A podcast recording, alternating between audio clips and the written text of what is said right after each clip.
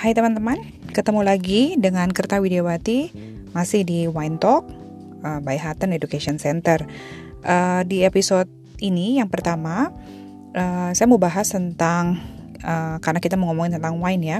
Jadi paling enggak kita uh, mulai dari background atau basic yang uh, prinsipal banget uh, tentang drinking responsibly. Uh, wine produk minuman yang mengandung alkohol. Nah, berarti ada aturan-aturan yang mengikat terhadap bagaimana mengkonsumsinya itu sendiri.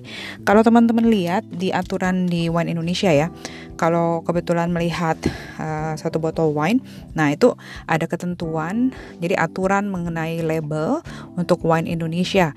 Nah agak ada perbedaan jelasnya uh, dibandingkan dengan wine import, uh, tapi uh, itu berlaku di seluruh Indonesia. Artinya bahkan wine yang diimpor ke Indonesia pun harus uh, menunjukkan informasi yang menjadi keharusan di wine label aturan Indonesia. Uh, biasanya kalau di wine import nanti teman-teman lihatnya dalam bentuk stiker ya. Jadi sudah ada labelnya, terus di samping atau di belakang biasanya ditempelin lagi tuh stiker uh, dalam bahasa Indonesia. Karena aturan dari pemerintah bahwa yang namanya minuman beralkohol bukan cuma wine itu harus dilengkapi dengan informasi yang harus ditempelkan di botolnya itu sendiri. Nah, biasanya yang disebutin apa saja sih berdasarkan wine law. Jadi kalau kita mau bilang uh, apa namanya uh, wine law-nya Indonesia berdasarkan label gitu ya. Yang pertama harus menunjukkan komposisinya apa. Nah, biasanya di komposisi yang biasa paling disebut adalah hasil uh, fermentasi anggur. Tinggal bikinnya red wine atau white wine. Nah, biasanya disebutkan tuh dalam bahasa Indonesia ya, komposisi hasil fermentasi anggur putih biasanya ditambahkan ada informasi mengenai ragi dan penggunaan uh, sulfit sebagai uh, pengawet dari wine. Nah, itu biasanya harus disebutkan uh, berdasarkan komposisi dalam wine sendiri. Nah, wine untuk masuk Indonesia itu harus punya uh, nomor uh, BPO B, apa BPOM Oke, okay? uh, nomor BPOM ini adalah hasil dari nomor registrasi produk ya, uh, nomor yang dihasilkan berdasarkan uh, uji uh, lab dari kontennya gitu ya. Jadi harus dipastikan dulu uji kontennya. Jadi semua wine yang ber, uh, beredar sekarang ini pasti punya nomor BPO, BPOM tadi. Kemudian uh, tadi ya komposisi harus disebutkan. Kemudian siapakah yang memproduksi? Nah, itu harus disebutkan juga.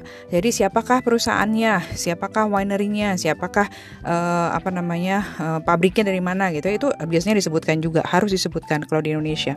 Kemudian uh, tanggal produksi, uh, apa namanya informasi mengenai minuman beralkohol itu juga disebutkan di labelnya. Nah, yang paling penting lagi kalau di label Indonesia itu pasti disebutkan teman-teman. Uh, disebutkan bahwa di bawah umur 21 tahun atau wanita hamil dilarang minum. Artinya apa? Artinya wine ini hanya bisa dikonsumsi oleh yang sudah berumur di atas 20, 21 tahun dan yang tidak sedang hamil gitu ya. Aturan dari Indonesia-nya harus seperti itu. Satu botol wine, teman-teman, isinya adalah 750 ml itu standarnya. Jadi standar botol wine itu isinya 750 ml. Nah, yang menarik kalau kita lihat berdasarkan research ya, kalau di internasional tetap uh, mau minum, meminum minuman alkohol uh, drinking age uh, yang berbeda-beda ada yang 17 tahun uh, kalau di luar negeri ya. Kalau di dalam di Indonesia tadi 21 tahun. Nah biasanya komposisinya teman-teman berdasarkan uh, apa namanya rekomendasi dari WHO uh, satu portion minuman itu adalah 12 mili. Oke? okay? 12 mili uh, min, uh, minuman yang mengandung alkohol satu unitnya Nah, perempuan biasanya dibatasi rata-rata nggak boleh lebih dari 2 unit saja. Berarti 2 kali 12 mili minuman beralkohol. Sementara kalau pria uh, dibatasinya dengan rata-rata 3 unit per harinya. Artinya kalau 3 unit 3 kali 12 mili. Nah, kenapa sih yang perempuan kok lebih sedikit daripada yang laki-laki? Berdasarkan hasil riset disampaikan bahwa kemampuan Eh, laki-laki uh, untuk bisa mengobserve atau menarik mem, apa menerima alkohol konten di dalam tubuhnya jauh lebih tinggi dibandingkan perempuan.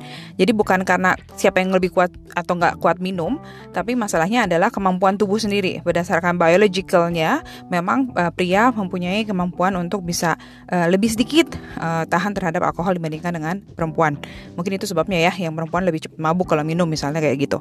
Nah, uh, saya mau mengingatkan teman-teman, pada saat kita belajar wine, sudah pasti salah satu yang harus dilakukan adalah minum wine. Tapi bukan berarti bahwa ketika kita uh, apa namanya belajar wine, kita mau minum semua wine sampel yang kita mau pelajari. Karena kalau itu dilakukan, nggak bisa belajar dong. Pastinya langsung pusing, langsung mabuk gitu ya. Dan kita akan lupa kita lagi belajar apa. Nah, teknik minum untuk pada saat kita belajar itu biasanya kita split out atau kita ludahkan kembali.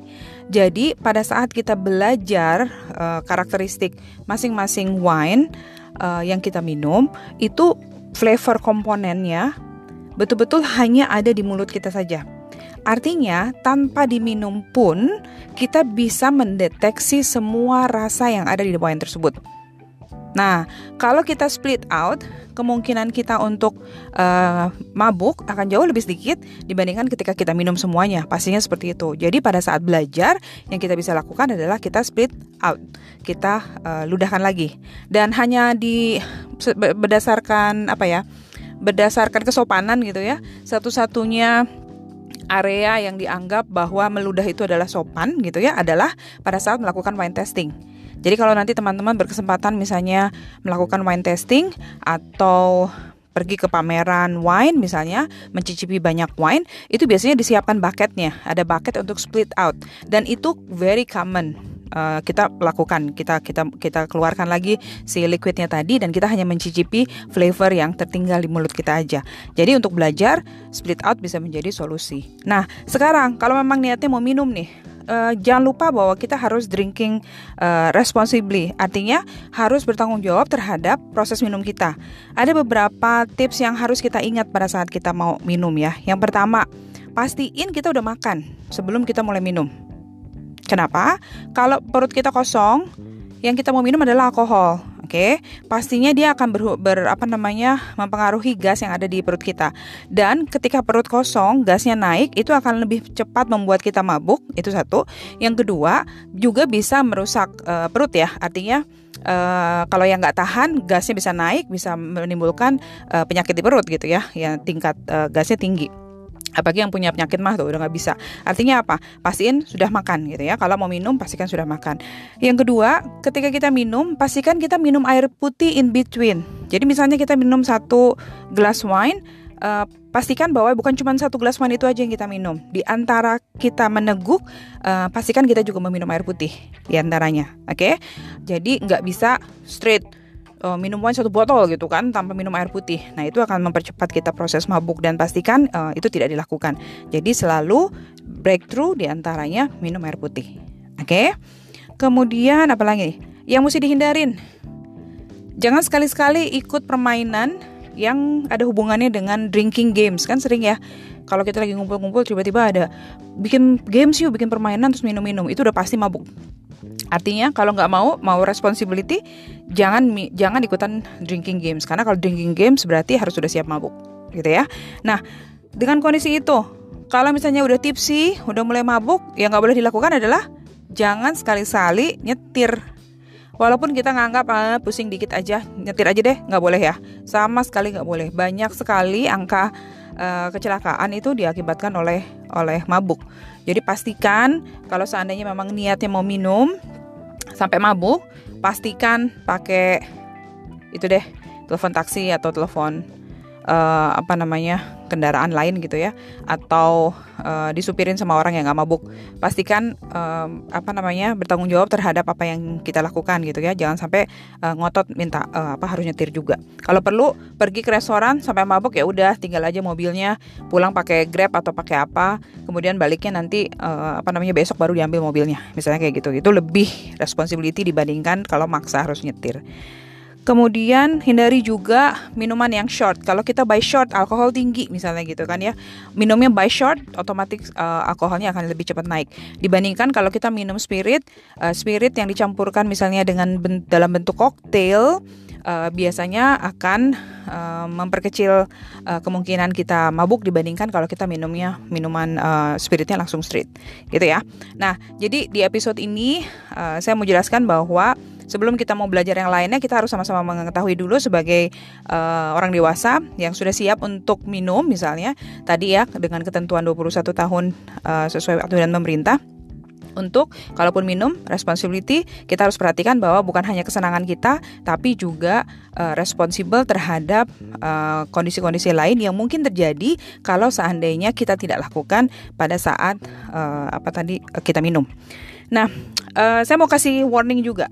Uh, ada resikonya juga ketika minum alkohol, teman-teman. Minum alkohol, apa pun sebetulnya bukan cuma alkohol. Apa pun yang kita konsum terlalu banyak pasti efeknya negatif. Nah, salah satunya adalah alkohol. Alkohol kalau kebanyakan pastinya bisa jadi ketergantungan terhadap alkohol. Jadi alkoholik. Jadi nagih nih pengennya minum alkohol terus. Itu satu. Yang kedua, konsumsi alkohol dalam jumlah yang banyak bisa banyak banget penyakit yang muncul.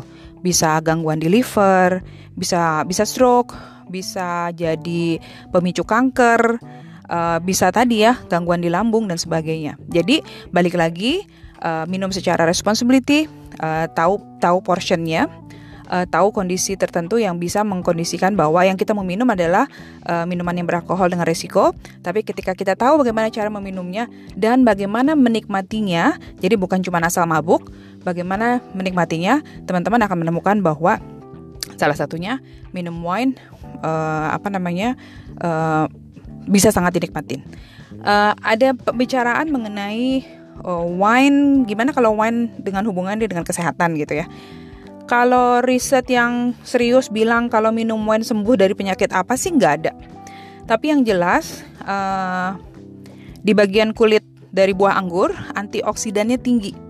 Uh, makanya uh, salah satu terapi yang bisa dilakukan juga uh, melalui terutama kalau dari kulit ya, dari kulit anggur berarti kita perlu minumnya adalah red wine. Di red wine komposisi oksidannya sangat tinggi dan itu katanya bagus banget untuk uh, kulit gitu ya, bagus banget untuk uh, banyak hal di tubuhnya kita. Nah satu lagi uh, alkohol dalam jumlah yang sedikit gitu ya nggak terlalu banyak dan dilakukan sebagai terapi sebetulnya membantu mendorong oksigen dalam peredaran darah kita. Makanya kalau kita minum rasanya jadi rileks, jadi rasanya jadi tenang itu karena si alkohol mendorong uh, apa namanya oksigen di dalam darah, di dalam pembuluh darah. Makanya kalau pernah dengar ada terapi orang yang sakit jantung ada penyumbatan gitu. Salah satu terapinya adalah minum satu gelas satu portion uh, red wine sebelum tidur karena itu uh, bisa membantu untuk merilekskan dan mendorong oksigen. Jadi katanya uh, apa terapinya dilakukan bisa membantu untuk uh, mendorong oksigen. Jadi ada belum kalau riset langsung bilang minum wine jadi sembuh dari penyakit apa nggak ada tapi ada beberapa facts yang cukup menarik untuk uh, kita ketahui bahwa wine juga ada efeknya terhadap kesehatan baik itu positif dan negatif oke okay? uh, mudah-mudahan nggak jadi nakut-nakutin teman-teman untuk belajar wine tapi dari awal harus dikasih tahu dulu kayaknya mesti diingatkan bahwa uh, apa namanya uh, untuk memastikan tidak ada hal-hal negatif ketika uh, kita mulai uh, uh, minum wine dan apa namanya minum wine dan belajar tentang wine. Oke, okay? uh, sekian episode kali ini. Mudah-mudahan uh, membantu teman-teman dan ingat drinking responsibly.